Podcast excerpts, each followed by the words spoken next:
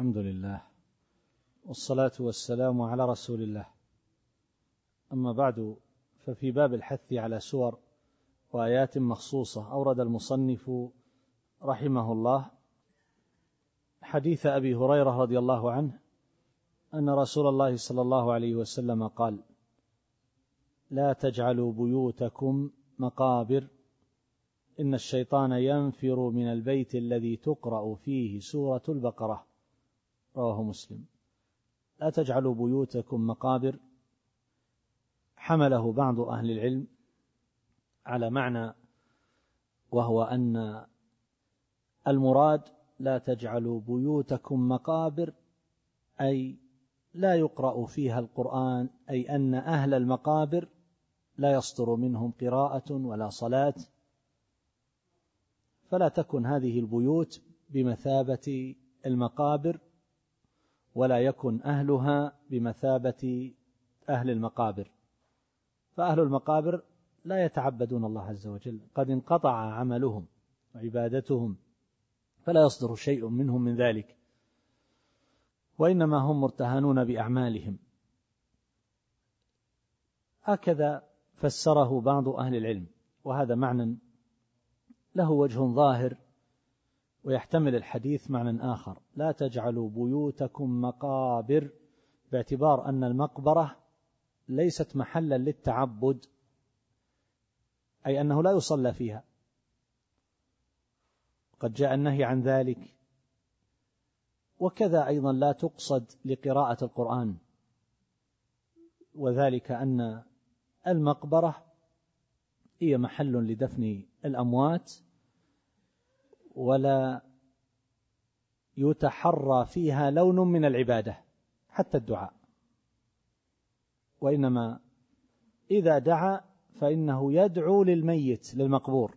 يعني لا يتحرى الدعاء لنفسه عند القبر كما يفعله بعضهم اعتقادا مثلا في ولاية الميت المقبور أو نحو ذلك فيجتهد في الدعاء لنفسه عند القبر رجاء الإجابة. يعني يعتقد أنه إن دعا عند هذا القبر فإنها ترجى إجابة هذا الدعاء وهذا كلام غير صحيح.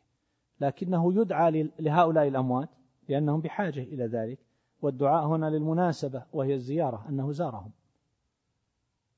ويقول ما ورد السلام عليكم دار قوم مؤمنين إلى آخره. لكن أن تقصد المقبرة بقراءة القرآن أو الصلاة أو الدعاء أو نحو هذا يدعو لنفسه يتحرى الدعاء. ليستجاب في المقبرة فهذا غير صحيح ولا مشروع. لكن إن فاتته الصلاة على الجنازة فله أن يصلي على القبر كما فعل النبي صلى الله عليه وسلم فذلك استثناء. أما أن يأتي إنسان ويشرع بصلاة هكذا في المقبرة يريد أن يصلي ركعتين مثلا أو يريد أن يصلي الفريضة في المقبرة فهذا لا يجوز. فالحديث هنا لا تجعلوا بيوتكم مقابر يعني لا تجعلوها بمثابة المقبرة لا يصلى فيها ولا يقرأ وهذا معنى قريب. وبه قال بعض أهل العلم في تفسير الحديث. واحتجوا به على أن المقابر ليست محلا أن تقصد للتعبد. والمعنى الأول ذكرته وهو أن المقصود لا تجعلوا بيوتكم مقابر باعتبار أن الموتى لا يقرؤون ولا يصلون ولعل المعنى الآخر أقرب. والله تعالى أعلم. لا تجعلوها مقابر لأن المقابر لا يصلى فيها ولا تقصد للعبادة. ثم قال إن الشيطان ينفر من البيت الذي تقرأ فيه سورة البقرة. يعني معناه لا تجعلوها مقابر اقرأوا فيها القرآن. اقرأوا فيها القرآن. وصلوا فيها النافلة لأن النبي صلى الله عليه وسلم أخبر أن ذلك هو الأفضل في صلاة النافلة. فهنا إن الشيطان ينفر من البيت الذي تقرأ فيه. جاء بالفعل المبني للمجهول تقرأ. ما قال الذي يقرأ فيه صاحب الدار؟ أو الذي يقرأ فيه أهل الدار؟ إنما قال تقرأ فيه سورة البقرة. فلو قرأوها هم في ظاهره. حصل المقصود. لو طرأ عليهم أحد زارهم فقرأ سورة البقرة. حصل المقصود. نعم. طيب. لو أنهم وضعوا جهاز تسجيل. وهذا الجهاز فيه سورة البقرة. شريط. سورة البقرة كاملة. أو في الإذاعة. أو نحو ذلك. قرأت سورة البقرة كاملة. تركوه في البيت وخرجوا. ويردد سورة البقرة. كل يوم تقرأ سورة البقرة. هل ينفر منه الشيطان أو لا؟ ظاهره أنه, أنه ينفر منه الشيطان لأنه لا يطيق سماعها ولا دخول البيت الذي تقرأ فيه هذه السورة. وذلك أن الفعل كما سبق جاء بالبناء للمجهول. الذي تقرأ فيه تقرأ. فهذه قرئت عن طريق جهاز التسجيل. واضح؟ بهذا الاعتبار. لكن لو أخذنا بتعليل قال به بعض أهل العلم لماذا يفر الشيطان؟ نعم لماذا يفر من البيت الذي تقرأ في سورة البقرة؟ بعضهم يقول لأن القارئ حينما يقرأ هذه السورة ويعمل بمقتضاها ويتدبر ما فيها من المعاني قالوا فيها ألف أمر وألف نهي وألف خبر إلى آخر ما ذكروا. وفيها قصة آدم مع إبليس وإغواء آدم. وفيها أخبار كثيرة عن بني إسرائيل وعن المنافقين أيضا وعن الكافرين. وفيها قالوا ألف حكم من الأحكام. الشاهد أن سورة البقرة تضمنت ألوان الهدايات. فهي أكثر سور القرآن اشتمالا على الأحكام. قالوا فمن قرأ هذه السورة وعقلها فإن الشيطان يكون في حال من البعد عنه لأنه لا يتمكن منه ولا يستطيع النيل منه. هكذا قال بعض أهل العلم. فلو أخذنا بهذه العلة فإننا نقول إن هذا الذي يضع التسجيل ثم يذهب لا يحصل المقصود ولا ينفر الشيطان. لو قلنا هذا ولعل الأقرب والله تعالى أعلم هو الأول. أن الشيطان لا يطيق الدخول في بيت تقرأ فيه سورة البقرة. ولهذا قال النبي صلى الله عليه وسلم لما حث على قراءتها اقرأوا سورة البقرة فإن أخذها بركة تركها حسرة. نعم. ولا تستطيعها البطلة يعني السحرة. لا تستطيعها البطلة. ولذلك يقال الأولى والأفضل والأكمل والأشرف أن الإنسان يقرأ هذه السورة. ولا يلزم أن تكون القراءة سردا من أولها إلى آخرها في مجلس واحد. ولا يلزم أن يكون من قارئ واحد. يمكن أن تجزأ سورة البقرة على الأولاد. والأم والأب هذا يقرأ وجهين وهذا يقرأ وجهين وهذا يقرأ وجهين وهذا يقرأ وجهين حتى يأتون عليها كل يوم. وتكون سورة البقرة قد قرأت. أو الإنسان بنفسه يقرأ جزءا ثم جزءا آخر في وقت آخر ثم بقية الجزء آه، في آه، وقت آخر فلا إشكال. فالشيطان ينفر من البيت الذي تقرأ في سورة البقرة لا يدخله ثلاثة أيام. ثلاثة أيام. فلو أنهم جزأوها على الأيام الثلاثة مثلا ثم في كل ثلاثة أيام قرئت. حصل المقصود والله تعالى أعلم. لكن في حالات بعض الناس يقول أنا ما أعرف أقرأ أمي ولا أريد أن أحرم من هذا ماذا أفعل؟ ولا عندي أحد يقرأ. نقول على الأقل لو وضعت شريط حصل المقصود بإذن الله عز وجل. ثم أيضا لاحظ على المعنى الذي ذكره بعض أهل العلم وهو أن ما تضمنته هذه السورة العظيمة من المعاني وأن من عقلها نفر منه الشيطان هذا له وجه. يعني ليس ذلك بمستبعد وأنه قول شاذ لا هو له وجه من النظر. ولا شك أن الشيطان يكون أكثر تسلطا على أصحاب النفوس الضعيفة وعلى أهل الجهل وهؤلاء يرتع فيهم الشيطان يرتع يعبث بهم ويلعب كما يلعب الصبيان بالكرة.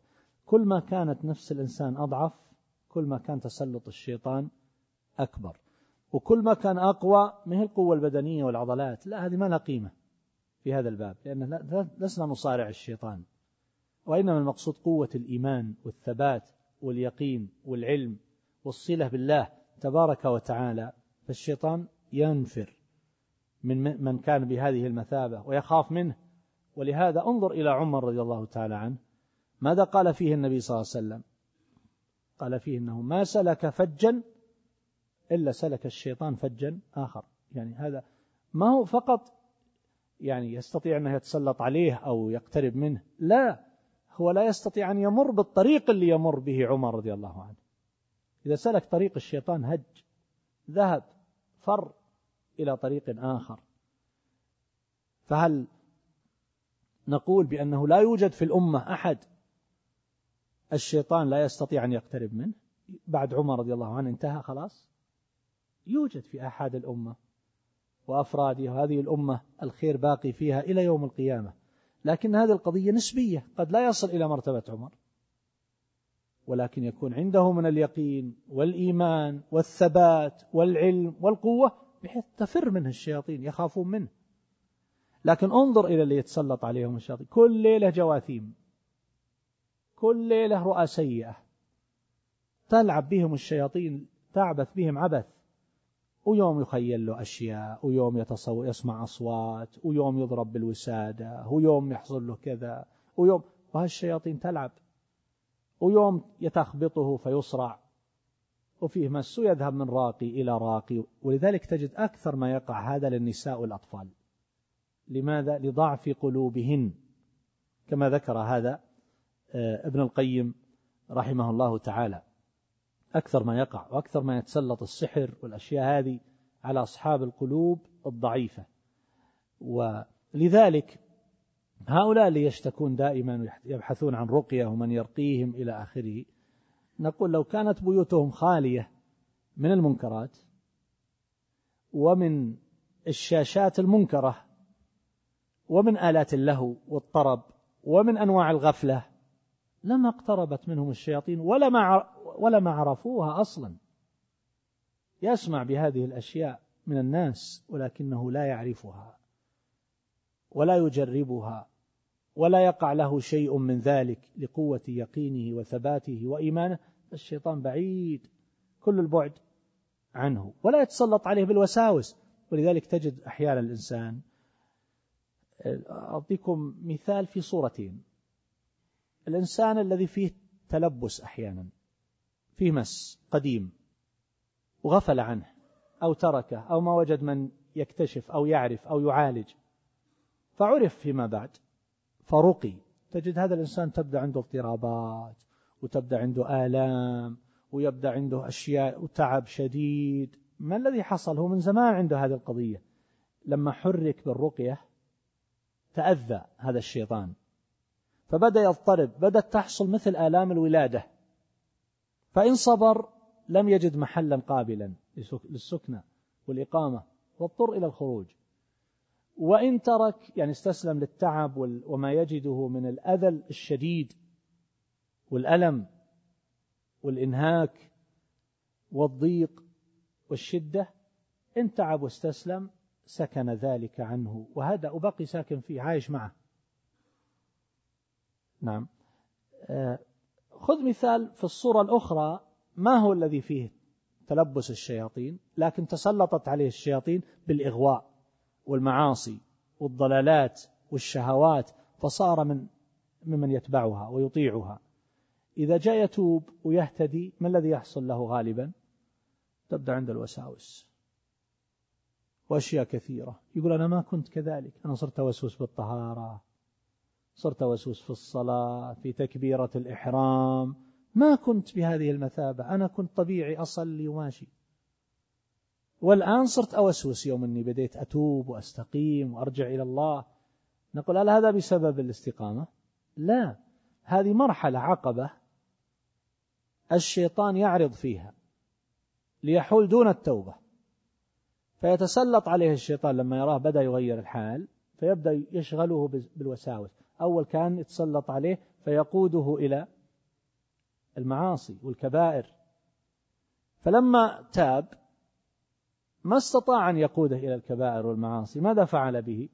صار يلقي عليه الوساوس والخواطر والأفكار ويبدأ يقول أنا إذا قرأت القرآن تجيني أفكار ما أقدر أتكلم بها ما أستطيع أن أقولها أعوذ بالله أنا متضايق أنا ما أقدر أعيش بهذه الطريقة الموت أحسن لي. خير إن شاء الله. كنت بعيد عن الله ويوم أنك تبت إلى الله أصبحت تقول الموت خير لي. نعم. هذه الوساوس ما تضرك هذا الشيطان الآن انزعج. رأى أن أحد الفرائس التي افترسها من قبل وقيدها وربطها أوثقها أنه الآن فلت عليه واحد من هالأسرى. فالشيطان منزعج معلن حاله. في توتر في قلق. فإذا ثبت زالت عنه تلك الخواطر والوساوس إذا صار عنده فقه في الدين حينما يفقه في دين الله تبارك وتعالى. تزول عن هذا الشيء تنقشع كلها ما لها قيمة. ما كبرت ما مدري ما ما بسملت ما آه، كملت الوضوء يمكن اليد ما غسلتها. هذا مع الفقه في الدين كله ما له أي قيمة. كل هذا يزول ويذهب. لكن إذا بقي على جهل يأتيه الشيطان من هذا الطريق. ويلعب فيه. والشيطان ما يأخذ إجازة يعني. حتى لو طلب العلم وتعلم يجي له من باب العلم ويغره وأنت الآن عندك علم وأحسن من غيرك وأرفع من غيرك. وهؤلاء الناس جهل ما يفهمون شيء وليسوا بمقامك ولا بقدرك ولا ب... أعوذ بالله يصاب بالعجب والغرور والكبر. وهي أدواء عظيمة جدا قد تكون أعظم من داء. آه، يمكن التدخين أو لعب الورق أو الأشياء التي كان يشتغل بها. طيب ما هو الطريق؟ ما هو الحل؟ الحل أن المجاهدة دائمة إلى آخر لحظة في الحياة. ما في غير كذا. هذا هو الطريق. صراع مع هذا الشيطان. كل طريق تسلكه تجد الشيطان يريد أن يقطع عليك هذا الطريق. فأسأل الله عز وجل أن يفقهنا وإياكم في الدين وأن يحفظنا وإياكم من الشيطان وشركه وصلى الله على نبينا محمد وآله وصحبه.